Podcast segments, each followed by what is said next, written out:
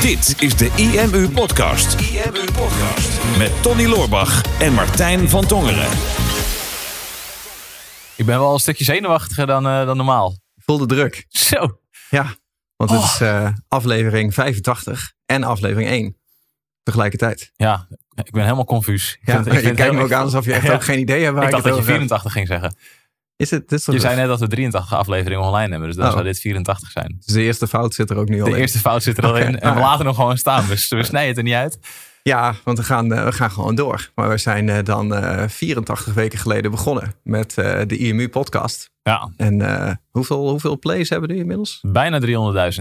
300.000. Ja. Dus dat is een interessant uh, avontuur. Maar het was altijd alleen uh, in audio te bewonderen. Ja, en jij en ik konden elkaar zien. Pyjama broek, ja. geen kleding aan, maakte niet uit. En ja, niemand had een idee. Dat kan, je kan niet en een pyjama broek en geen kleding. Nee, gewoon het waren opties. precies, ja. Of een pyjama broek, of geen kleding, of normale kleding. Haar wel gedaan, haar niet gedaan. Ja. Maar ja, toen kwamen we met het uh, fantastische idee om het ook maar eens op video te gaan doen. Mm -hmm. Nou zitten we hier. Ja. Dachten ineens, ja, dan moeten we ook een concept gaan geven. Nu kan iedereen ervan genieten. Hey Martijn hier. In de aflevering hebben we het erover dat deze podcast ook in videovorm op YouTube komt te staan. Waren we ook van plan, alleen waren we nog net niet helemaal tevreden over uh, het eindresultaat van de video. Perfectionist als we zijn, nee, perfectionisme dat is, uh, dat is niet waar we het voor doen. Maar we hebben net, een ander, net iets andere insteek genomen. Dus deze week nog niet op YouTube, maar dat gaat met de komende podcasts wel gebeuren. Dus deze kan je lekker in je oren stoppen. En uh, vanaf volgende week zal je hem ook op YouTube kunnen bekijken. Heel veel luisterplezier met de rest van deze podcast. Ciao, ciao. IMU Podcast. Kan iedereen ervan genieten. Mm -hmm. In de IMU Bar. Dat is onze eigen bar op kantoor. Ja. Dan maar een naampje ervoor bedenken. Ja, want IMU Podcast, dat is lekker voor de podcast. Maar ja, op, als we dit op YouTube gaan zetten, wat gaan we dan voor naam geven? Mm -hmm. Toen kwam jij na een aantal whiskietjes volgens mij op het idee. Ja, dus dat, ik had wel een whiskietje gedronken al. Toen, ja. uh, toen, toen, kwam het concept van we gaan het aan de bar doen. Toen dacht ik dan, dan moet het online marketing heten. ja. Want, want, want dat, is zo'n slechte woordgrap. Dat onthouden mensen wel. Ja, precies. En past, past ook wel bij ons. Ja. De hele halve podcast hangt van de slechte woordgrap aan elkaar. Ja. Ah. Dus dames en heren, welkom bij Online Marketing. De ah, eerste YouTube-aflevering. En uh, dus de 84ste podcast-aflevering. Ja! Waar we het volgens mij vandaag ook helemaal niet gaan hebben over marketing. Dus dat meteen een uh, mooie eerste aflevering. Ja. Maar uh, nee, het, het lijkt ons leuk om natuurlijk gewoon lekker verder te gaan. Wat we al die tijd hebben gedaan. Hè? Dus um, gewoon hebben over wat ons bezighoudt in de, in de waan van de week. Qua marketing en ondernemerschap en, uh, en inzichten. En uh, we hebben eigenlijk net onze grootste marketingactie van het jaar is net klaar. Dus uh, ja, de deadlines zijn geweest. En we hebben een record omzetmaand gedraaid. Bizar. Ja. In coronatijden.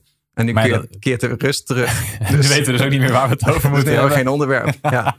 maar de, laatste, de laatste aflevering van de IMU podcast, daar hebben we het wel gehad over die lancering en wat voor impact dat heeft gehad, wat voor uitdagingen we daarbij hebben gehad. Mm -hmm. Dus ja, als je nu op YouTube kijkt voor het eerst, denk ik, wow, vet, ze hebben een nieuwe YouTube show. Ja, sorry, dan moet je dat even terugluisteren via de podcast. Zo gaan we nieuwe abonnees krijgen. Ja, klopt. Um, dus nu dachten we, nou, dan gaan we in de bar zitten. Wij hadden trouwens niet zelf bedacht om in de bar te gaan zitten. Mm -hmm. Eigenlijk het enige wat wij hadden gezegd. We hebben de afgelopen tijd veel nieuwe mensen aangenomen. Enerzijds omdat we wisten dat er veel nieuwe klanten aan gingen komen. Anderzijds omdat de coronacrisis ineens een aantal hele mooie mensen op ons pad uh, had gebracht. Ja. Uh, een van die mensen is, uh, is Michelle, die hier nu ook ineens om ons heen staat te draaien met een camera. Dus helemaal even wennen. En daarom zijn wij ook zo zenuwachtig. En bloedzenuwachtig. Meestal doen we dit. Je brengt werkelijk op de zenuwen. Niet normaal. nee, dat valt reuze mee. Doe vooral je ding. Um, probeer rustig te blijven. Nou, ik word helemaal, helemaal nerveus van. Nee, gaat goed. Het gaat nog goed. Um, maar we hadden het er al wel vaker over gehad. Van, ja, we willen eigenlijk iets met een videopodcast doen. En het zou handig zijn dat we daar dan een, een format van maken. Een concept van maken. En uh, Michelle die uh, gaat onze fulltime uh, video's maken. Video's editen, video's schieten. Dus we hadden gezegd, nou we willen er een videoformat van gaan maken. Heb jij misschien een idee? Mm -hmm. En zet ons maar aan het werk als je een cool idee hebt. En toen was dus het idee van, nou, misschien wel leuk om dat in een bar setting te gaan doen. Mm -hmm. En zie hier zitten zie wij. Gelukkig hadden we al een bar. Gelukkig hadden ja. we al een bar. Ja, anders dan was dat een uh, wat grotere, grote klusje geweest. Nu zitten wij dus aan de bar met het YouTube-format wat uh, wij niet zelf bedacht hadden. Want ik had, ja, wij staan beneden dan, want wij zitten nu boven, boven ons eigen kantoor. Mm -hmm. Normaal gesproken zitten, staan wij altijd hier onder aan de podcast op te nemen. We dachten, nou, hoe kunnen we dit anders een videosetting maken? Nou, toch niet. Dan gaan we weer even lekker op de bank zetten. Ja. En het maken zetten we daar een camera op. En verder dan dat gaat mijn creativiteit in ieder geval niet. Nee, maar toch is dit, ik voel dit meer als een natuurlijke houding waar we nu, uh, nu in zitten. Ja, ik ben wel een beetje jaloers bij, want ik ben ook wel zo'n hanger. Ja. En ik kan, denk van ja, ik kan wel gewoon gaan staan, maar dan hang ik altijd, zo sta ik meestal aan de bar te hangen. Oh ja. En jij zit nu gewoon lekker relaxed zo een beetje naar achter te leunen. Ja. Maar jij wilde weer precies vanaf die kant in beeld. Klopt. Waardoor ik niet daar kon zitten, maar jij daar. Ik heb erg weinig goede kanten nog over sinds uh, de coronakoep. dus dat laat mij dan mijn enige goede kant in beeld houden. Ik verwacht straks wel dat je natuurlijk een drankje voor me inschenkt, dat snap je. Ja, nee, prima. Nee, maar ja, weet je, zonder gekheid, want zijn we straks 20 minuten aan het praten over het feit dat we bedacht hebben dat we aan een bar gaan zitten. En dat konden mensen in de eerste 10 seconden ook al wel zien. Dus ik denk dat we menig kijker inmiddels kwijt zijn. Alleen um, wat wel interessant is, is wat je zegt, dat concept. Um, dat het meteen al uit het nieuwe team komt. Uit het team en uit uh, iemand die al nieuw is bij het team. En uh, het is grappig, in deze coronatijden zijn natuurlijk een heleboel dingen. Uh, zijn uitdagingen voor ondernemers. Hè. Heel veel ondernemers in de problemen gekomen. veel ondernemers failliet gegaan. En um, wij hebben ook een beetje de andere kant gezien van, van de kansen die naar voren komen in de coronatijden. Want ja, wij hebben dan online business. Um, en dat, heeft, dat is echt storm gelopen. Ook omdat we natuurlijk ons boek hebben gelanceerd. Uh, en een software lancering hebben gedaan. Maar er is gewoon heel veel vraag ineens van ondernemers die meer online willen gaan doen. Daar merkten wij een groei. Maar uh, we merkten dat ook in de, in de vacaturemarkt. En heel apart dat gewoon heel veel bedrijven hebben eigenlijk uh, toen de paniek uitbracht, gewoon hun vacatures offline gehaald. Van nou, hè, we gaan geen nieuwe mensen meer aannemen. Um, heel veel mensen die een nieuwe baan hadden, ik heb echt drie of vier verschillende mensen gewoon uh, uit mijn persoonlijke netwerk gesproken. Die zeiden van nou, ik had een nieuwe baan. Ik zou eigenlijk beginnen volgende maand. En is gewoon geannuleerd. Dus ik mag alsnog niet daar aan de slag. Terwijl ik mijn andere baan al heb opgezegd. En uh, wij merkten ineens dat er heel veel mensen meer gingen solliciteren bij ons. Ja. Uh, dus wij hebben volgens mij zeven nieuwe mensen aangenomen in twee weken tijd. Nou, uiteindelijk werd het er zes, omdat... okay, ja.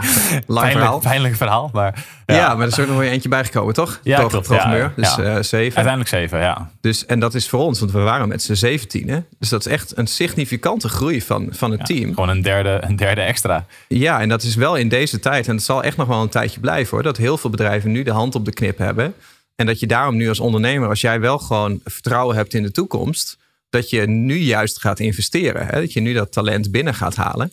Um, daar hebben wij natuurlijk heel erg op ingezet. En, en nu de rust een beetje terugkeert in de zomer, dachten we, ja, dan kunnen we nog meer gaan investeren in uh, de bestaande klanten en in het, het huidige team. Ja. En, en een van de projecten waar wij dan heel erg mee bezig zijn, is het, het dienend leiderschap. Nou, prachtige term. Ik ja. schreef het vanochtend ook in een blogje. Dienend leiderschap. Als je dat als je dat tien keer heel rustig achter elkaar zegt, dan word je er ook, dan, voelt dat heel kloppend. Hè? Dat haalt een beetje de, uh, ja, hoe had ik het opgeschreven? De zelfabsorptie eruit.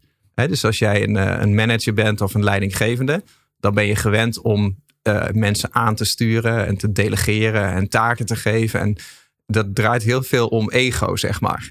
En als je naar dienend leiderschap gaat, dus zoals wij, zoals jij net uitlegt met, die, met de barsetting, je legt gewoon iets bij een, een teamlid neer.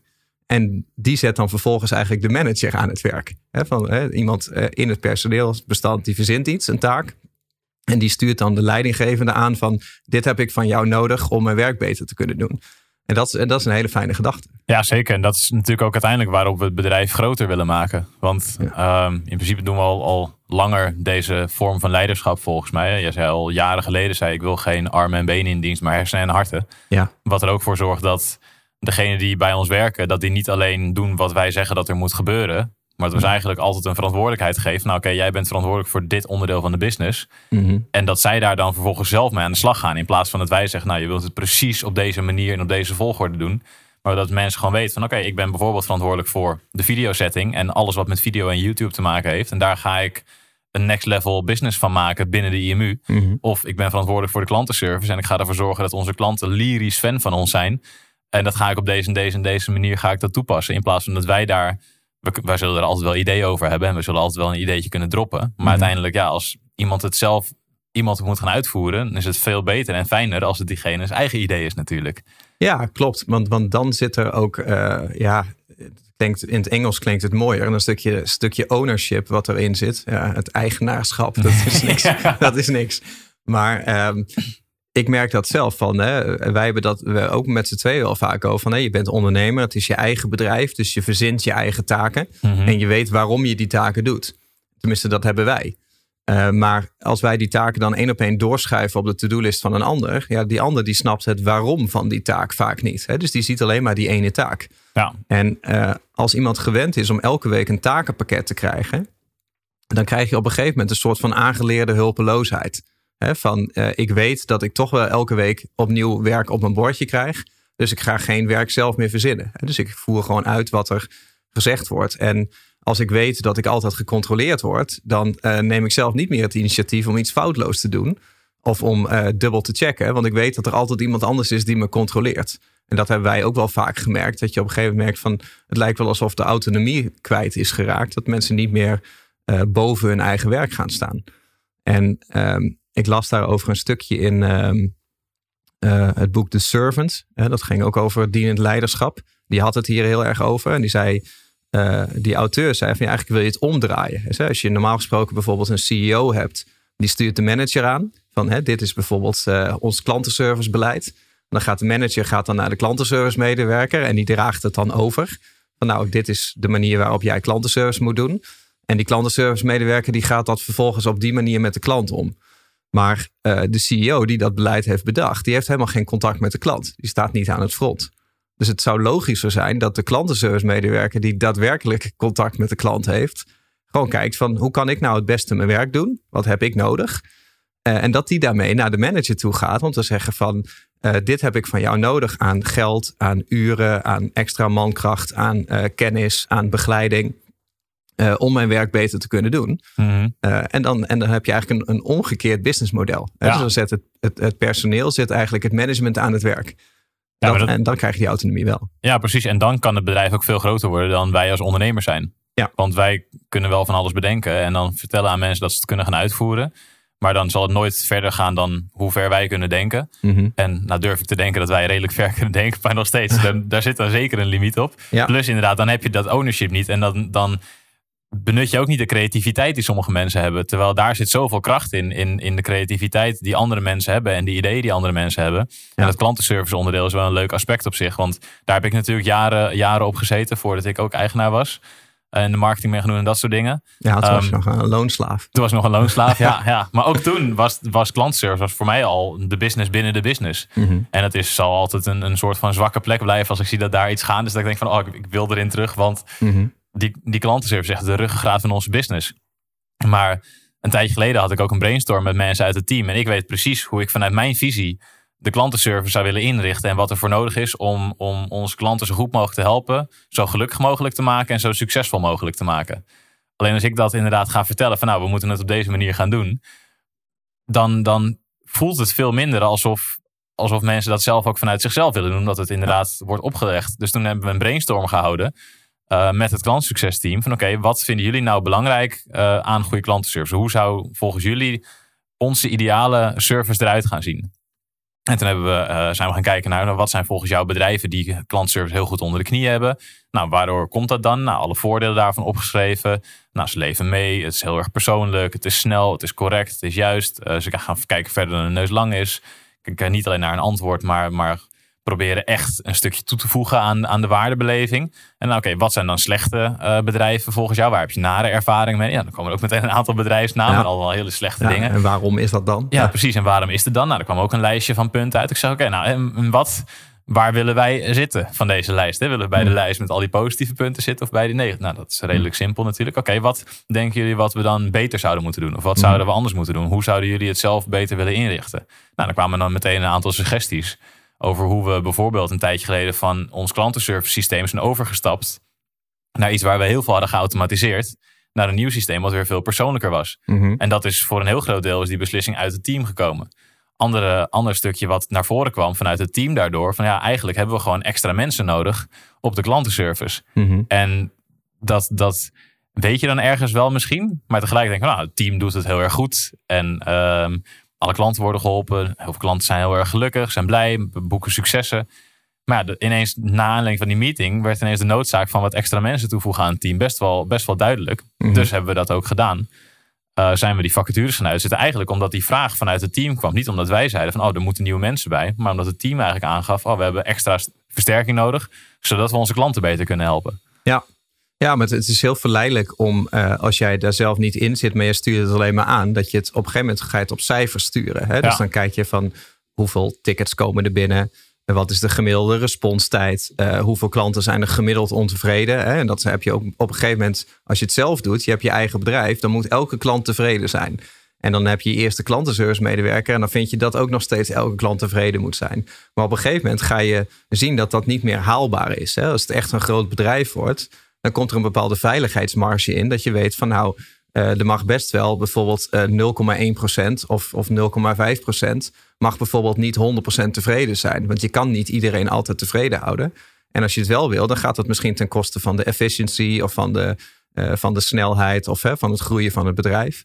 En, en dat is een hele gevaarlijke stap op een gegeven moment als je daar alleen nog maar naar de cijfers kijkt. Dat je denkt van nou, we hebben niet meer mensen nodig of we, we gaan hartstikke goed zoals dat we gaan. Terwijl er eigenlijk heel veel potentie in zou zitten. Ja. En ik las dat, uh, ik zat een boekje over Starbucks te lezen dan uh, vorige week. Daar, en dat boek gaat ook grotendeels over hun, uh, hun grote kracht. En dat is dan de, de, de omgang met klanten. Hè? Mensen echt thuis te laten voelen. En ehm, daar stond een interessante uitspraak in dat je eigenlijk zeg maar je klantenservice moet eigenlijk zo goed zijn dat mensen alleen al klant bij je zouden willen zijn vanwege de klantenservice. Ook als er geen product zou zijn.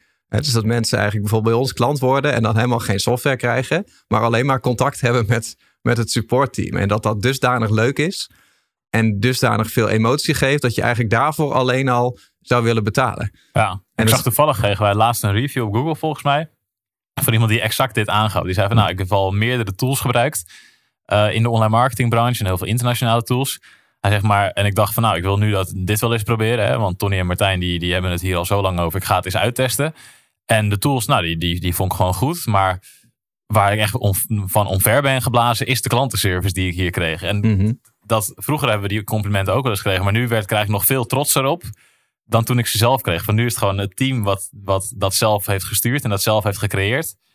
Dat levert nu de, uh, dit soort complimenten en reviews voor het bedrijf op. Ja. Waar, je eigenlijk, waar ik eigenlijk nog veel blijer van word dan als ik het compliment zelf kreeg. Ja, en, en het kan helaas niet altijd, want je kan je hele bedrijf alleen op klantenservice focussen. Hè? Dat is wat bijvoorbeeld Coolblue altijd heel goed deed. Dat was echt hun grote wapen. Ja. Je ziet nu dat het niet meer altijd even goed is als dat het vroeger was. Uh, komt ook omdat het groter wordt en je kan niet overal prioriteit hebben.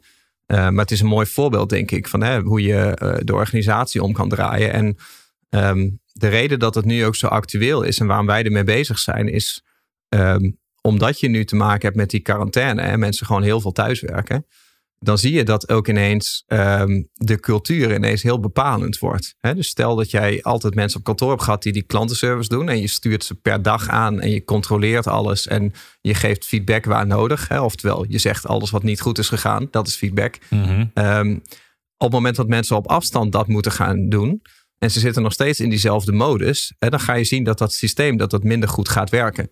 Dat, uh, dat mensen gaan zoeken naar manieren om uh, misschien zelf meer vrijheid te krijgen. Of dat tickets later worden beantwoord of minder goed worden beantwoord. Omdat uh, daar een bepaalde bezieling dan niet in zit. Hè, maar wij hebben gemerkt dat we altijd in die cultuur hebben geïnvesteerd. Dat uh, ja, mensen hebben hun functie niet zozeer dat ze zien dat is mijn baan. En dat moet ik nou eenmaal zoveel uur per dag doen. Maar meer van ja, ik ben verantwoordelijk voor dit stuk van het bedrijf. Uh, en ik heb zelf voor ogen waar het uiteindelijk naartoe zou moeten. Hè? Dus ik snap het waarom van mijn taak. Ja. En dan is het ineens niet zo heel lastig meer om mensen thuis te laten werken. Sterker nog, we moeten mensen een beetje behoeden dat ze zichzelf niet overwerken. Ik wilde net zeggen, ik begon op een gegeven moment een beetje zorgen te maken als ik zag de tijden waarop mensen aan het werk zijn. Ik denk, ja, dat is het eerste wat ze doen als ze wakker worden, is laptopje openklappen, mensen helpen. Ja. En dan zie ik vervolgens dat ze om 11 uur s avonds soms ook nog bezig zijn geweest. En denk ik, ja, die verleiding is heel erg groot. En die verleiding kennen wij ook. Van ja, de business is er altijd. Er is altijd wel iets wat je kan doen. Er is altijd wel iemand die je kan helpen. Er is altijd wel weer een idee wat je hebt. En met die laptop in de nabijheid, omdat je al je hele werkplek eigenlijk naar je huis hebt verzameld, is de scheiding tussen ik ga tv kijken of ik ga aan het werk, die is ineens zo klein. En gelukkig hebben we allemaal mensen die heel veel bezieling in, in hun werk gooien, dat ze vaak liever een laptop pakken en aan het werk gaan en dat ze tv gaan zitten kijken. Ja. En dat, dat is super gaaf natuurlijk. En inderdaad ook een beetje beangstigend soms. Oké jongens, denk ook aan je rust. En ga niet alleen maar 100% uh, in, het, uh, in het bedrijf op en in je werk op. Maar het, het is wel heel interessant om te zien dat je bij andere bedrijven dus ziet van nou, hun uh, flows waren sowieso niet voorbereid op een crisis. Want dat was het fijn daaraan van oké, iedereen moet vanaf nu thuiswerken. Nou, we gingen thuiswerken. En het werk ging echt één op één eigenlijk door. Van, dus, dus niks veranderd in, in productiviteit of, of dat mensen minder goed gingen presteren of wat dan ook, omdat iedereen de juiste bezieling had. Mhm. Er was dan één iemand in het team waarbij dat wel ietsje minder was, maar van die stond eigenlijk al op mijn radar van waarschijnlijk gaan we dat contract niet verlengen. Nou, dat is Mhm. uiteindelijk ook niet gebeurd. Mhm. Maar alle andere mensen die gingen minstens net zo hard en vaak nog wel een stukje harder, omdat het nodig was en omdat ze vanuit huis die, die extra stappen aan het zetten waren. Dus dat is natuurlijk een heel bijzonder iets dat we die cultuur gecreëerd hebben. En dat mensen ook die verantwoordelijkheid echt zo voelen zoals wij hopen dat ze hem voelen. En dat deze crisis dat eigenlijk aan het, eh, aan het licht heeft gebracht. Ja. En nu is de volgende stap voor ons, wat dan een, een uitdaging is, is dat we inderdaad de kans hebben gekregen om veel nieuwe mensen aan te nemen. En daar waren we deels al mee bezig eh, toen de crisis begon, omdat we dat bijvoorbeeld dat su- klantsuccesteam wilden uitbreiden. Maar een grote uitdaging voor ons is altijd geweest om aan developers te komen. Mhm. En wat jij net zei, dat, dat sommige mensen een nieuwe baan hadden gekregen en ineens toch niet. Nou, daarmee hebben wij onze eerste vrouwelijke developer aan Ja, kunnen dat is nemen. eh, unicum. Dat is een unicum. Ehm, dat was iemand die heeft op een van onze video-ads gereageerd. En eh, dat is natuurlijk ook een superleuke video Ja. over, ons, over ons bedrijf. En dat was dan een front-end developer. En zij kwam dus op gesprek. Ik zei, nou oké, waarom wil je weg bij je, huidige, bij je huidige werkgever? En zij zei, nou eigenlijk was ik daar al weg. Ik heb mijn baan al opgezegd. Ik had zelfs een nieuwe baan aangenomen. Maar door de coronacrisis eh, gaat die baan niet door. Ja. Dus ik dacht echt, Ja, wat ideaal. wat een supergoeie klik. En zij is hier nu al aan het werk. Dus Mhm. dat is fantastisch. Eh, ook iemand anders die nu bij het supportteam is gekomen. was een digital nomad. Had een eigen bedrijf waar ze eh, andere ondernemers hielp met een online marketing business. Veel met onze producten ook al gewerkt. Mhm. En ze zat in Colombia, zat ze volgens mij. En toen brak het dus uit. En dan zie je, oké, ik moet volgens mij, kan maar beter maar terug gaan naar Nederland. Want ik weet niet hoe het hier gaat lopen. Nou, Mhm. net aan op tijd teruggekomen naar Nederland. Toen moest ze twee weken in quarantaine. Dus toen heeft ze ergens op een boerderij gezeten in Schagen. En toen is eens gaan nadenken van ja, waar word ik nou echt blij van? En wat zou ik nou meer willen doen? Toen was ze, ja, eigenlijk wil ik liever meer in een team werken en, en veel meer mensen helpen. En toen had ze eigenlijk maar één beslissing van ja, dan wil ik bij de IMU werken. Ongeveer dezelfde realisatie die ik eh, zes, ja. zeven jaar geleden had. Ja, dezelfde valkuil waar jij in bent Dezelfde getrapt. valkuil Ja. waar ik in ben getrapt. En toen, en toen zat ze dus hier op gesprek. En het klikte zo goed. En die is nu ook aan, aan, aan de slag gegaan. Die is ook mensen aan het helpen. Maar wederom iemand, echt een toppertje. Die door die coronacrisis bij ons op pad is gekomen. En dat is super gaaf om te zien. En de enige uitdaging die wij nu hebben. Omdat we met 17 mensen zaten. En nu dus naar 24 groeien. Want de komende maanden komen er nog een aantal mensen bij dus. Mhm. Ehm, is natuurlijk om die cultuur en die verantwoordelijkheid weer door te geven. En dat is inderdaad waar we nu in willen gaan investeren. En dat zal op afstand zal dat lastig zijn. Daarom zijn we nu ook weer iets vaker op kantoor. In ieder geval met degene die ingewerkt worden. Op gepaste afstand uiteraard. Ehm, en ik wil er zelf ook wel veel bij zijn om gewoon te zorgen dat, dat, dat we de waarde goed kunnen overgeven. En de energie en het enthousiasme wat bij het team hoort. Dat, eh, dat ieder, alle nieuwe mensen dat natuurlijk ook voelen. Ja, maar daar, daar zie je dus gewoon een aantal dingen. Dat eh, ten eerste kost het tijd om een cultuur te bouwen. En eh, zeker als er heel veel nieuwe mensen bij komen. Kijk, als je met twintig mensen bent en, en er komt één iemand bij. Ja, dat, dan, die, die gaat mee zeg maar in de machine die er al is. Dus als jij een topcultuur hebt en je zet er iemand blanco bij in. Dan zal die meegaan in die goede cultuur. Als jij een fysieke cultuur hebt. ehm, eh, vul het maar in zoals dat je het zelf wil. En je zet daar iemand bij. Dan zul je zien dat je een topper kan aannemen. En dat die ook binnen een maand of twee na eh, het in dienst gaan ook ineens meegaat in, de, in, in die rotte cultuur die je hebt. Ehm, en wij hebben gezien dat cultuur ook verder gaat dan de werkvloer. Als het op kantoor heel gezellig is, of als je op kantoor een perfect systeem hebt waarbij iedereen werkt. En je wordt ineens voor de, eh, voor de keuze gezet van ja, iedereen moet nu thuiswerken vanwege een eh, lockdown. Ja, dan ga je wel heel goed zien van hoe goed werkte dat systeem eigenlijk. Hè? En hoe goed is die cultuur. En ehm, ik vind wat je noemt is een mooi voorbeeld van ja, mensen gaan ineens veel meer uren werken bij ons. Denk enerzijds dat positief. Dus mensen waren wel echt één met hun functie. En wij hoeven echt niet te gaan controleren van ben je thuis wel aan het werk. Alleen het, het, eh, het echte leiderschap komt dan eh, naar voren op het moment dat je constateert van hé, hey, zij zijn zich waarschijnlijk nu aan het overwerken. En wij kunnen heel blij zijn met dat ze zo hard voor ons werken of voor het bedrijf. Maar tegelijkertijd zien wij dat de risico's daarvan. Ja, we hebben het toen over gehad. Van, oh, we, hebben, we, hebben, we hebben een beetje zorgen over een paar mensen in het team. Tijdens de partnermeeting met onze andere softwarepartners. Mhm. Nou, we moeten wel zorgen dat, dat een aantal dingen nu snel opgelost worden. Zodat, zodat een aantal mensen in het team daar niet nog meer, eh, nog meer uren door gaan maken. Dus Ja. Team burn-out preventie genoemd. Klopt. Maar ja, maar ook eh, maar afgezien nog van taken, ook gewoon dat je eh, eh, mensen tegen zichzelf gaat beschermen. En, en dat is een beetje het dienende, dat je jezelf als leidinggevende, dat je, je neemt 100% verantwoordelijkheid over het bedrijf en alles wat daar binnen gebeurt. Um, dus als er iets fout gaat, of als er iemand een burn-out krijgt, of wat dan ook, dat jij jezelf daar verantwoordelijk voor voelt. Daar begint het eigenlijk mee. Maar dat jij verantwoordelijk bent, betekent niet dat jij uh, alle taken moet verzinnen en die bij andere mensen neer moet leggen. Want je kan taken kan je wel managen, maar mensen kan je over het algemeen niet managen. Mensen moeten zichzelf managen. Dus je gaat alleen maar mensen inspireren en uh, faciliteren om de dingen te kunnen doen die ze uiteindelijk zelf willen doen. Dus je geeft aan van nou, jij staat nu hier, dit is jouw verantwoordelijkheid binnen het bedrijf, hier willen we ongeveer naartoe, daar kan je het samen over hebben. En als je dat vastgesteld hebt waar je naartoe wil, dan zeg je als leidinggevende van nou, ik stel alle resources ter beschikking die jij nodig hebt om daar te komen. Maar soms betekent het, het beschikbaar stellen van resources, betekent ook dat je iemand dus bijvoorbeeld meer tijd of meer uh, rust geeft. En, en niet per se alleen maar een salarisverhoging op het moment dat er meer werk gedaan wordt. Dus dan kan je tegen mensen gaan zeggen van ja, jij mag nu uh, na zeven uur s avonds mag jij bijvoorbeeld niet meer online zijn. Ja. Dat, zou, dat zou eigenlijk een stukje dienend leiderschap zijn. Van ja, want hè, jij bent blijkbaar niet in staat om, uh, om jezelf te beschermen tegen een mailbox die ook s'avonds nog input kan geven. Hè, waardoor je uiteindelijk bijvoorbeeld in de problemen gaat komen. En dat kan je enerzijds bouwen met uh, gewoon vanuit de werkgever, of dat wij dat dan doen. Uh, maar wij zijn nu inmiddels zover dat het gewoon in de cultuur zit. Hè? Dus mensen elkaar ook controleren en elkaar ook helpen.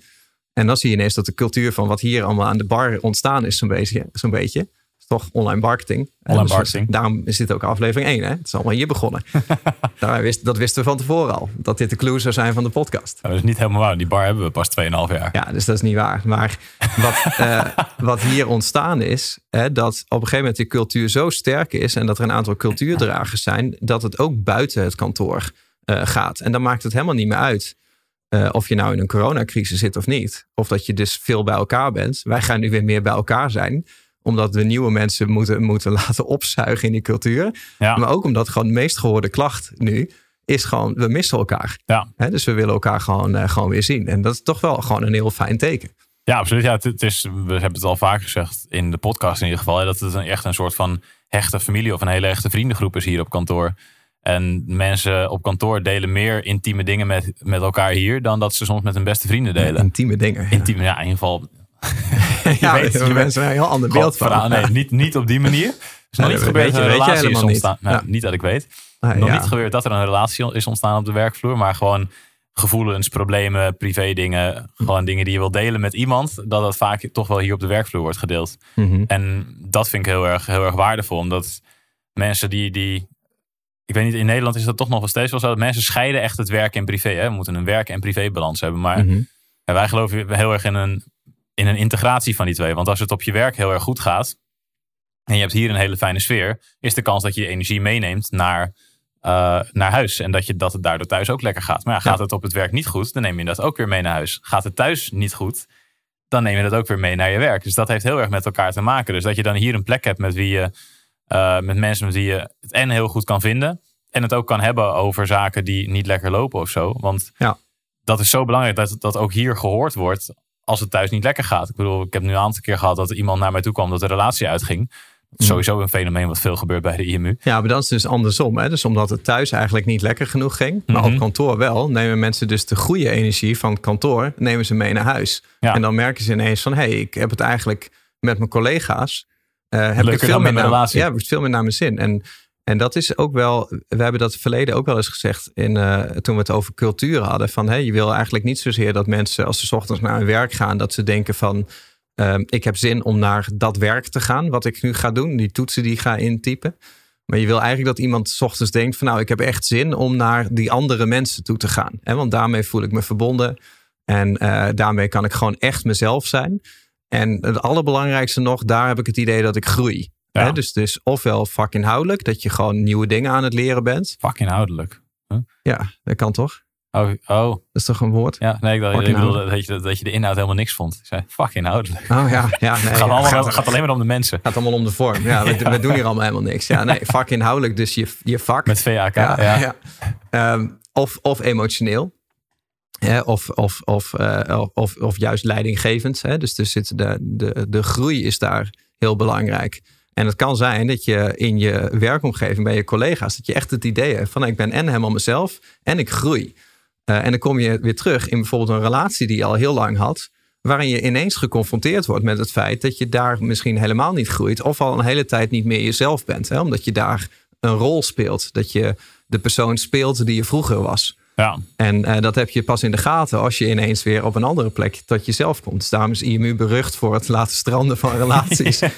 Omdat wij persoonlijke groei hebben. En weet je, dat is, ik, weet niet meer precies van wie het was. Uh, ik denk dat dat in de Servant stond. stond een heel interessant stuk in van, weet je, als jij bijvoorbeeld een, uh, een kantoor zou vergelijken met een tuin. Dus niet een kantoortuin, maar kijk, op het moment dat jij plantjes gaat planten in een tuin. Jij zorgt als planter, als, als tuinman, tuinvrouw, ik weet niet wat het is. Jij zorgt er niet voor dat die plantjes groeien. die plantjes die weten van zichzelf dat ze groeien. Uh, of dat, zit in, dat, zit, dat is aangeboren. Denk jij schept alleen de omstandigheden waarin iemand groeit. dus, dus jij zorgt voor vruchtbare grond. En jij zorgt voor de voeding en voor de ideale omstandigheden. Waardoor iets zelf kan uh, groeien in wat het altijd al bedoeld was te worden. En het plantje weet in principe niet dat het uit de grond komt. En de grond weet niet dat er een plantje uitkomt. Dat zit, zit zeg maar in de geen. En dat gebeurt sowieso wel. Zolang het maar niet tegengehouden wordt. En in elke vorm van groei zit wel iets van weerstand. Hè? Anders moest het plantje niet door de aarde heen breken. En dat is, dat is zo logisch in de natuur. En op kantoor is dat dan blijkbaar niet. Hè? Dan gaan we mensen niet vanuit zichzelf laten groeien. En mensen niet faciliteren om te groeien. En hebben we er helemaal geen vertrouwen in dat iemand uiteindelijk wel wordt wie die zou moeten zijn. Maar dan gaan we mensen aansturen en dingen opleggen van hè, dit is wie jij zou moeten zijn. Uh, dit is hoe jij je werk zou moeten doen. Dit zijn jouw deadlines, dit zijn jouw taken. Mhm. En als alles voltooid is, dan mag je naar huis. En, en dan zit het werk erop. Hè, en dan heb je s'avonds en in het weekend, is dan eigenlijk jouw leven. Nou, en, en, en dan heb je dus de scheiding tussen werk en privé. Ja, en ik denk dat wij die scheiding er mooi af hebben gehaald. Bij ons is er gewoon geen privé meer. Nee, precies. er is alleen maar werk. Opgelost. Ja, probleem opgelost.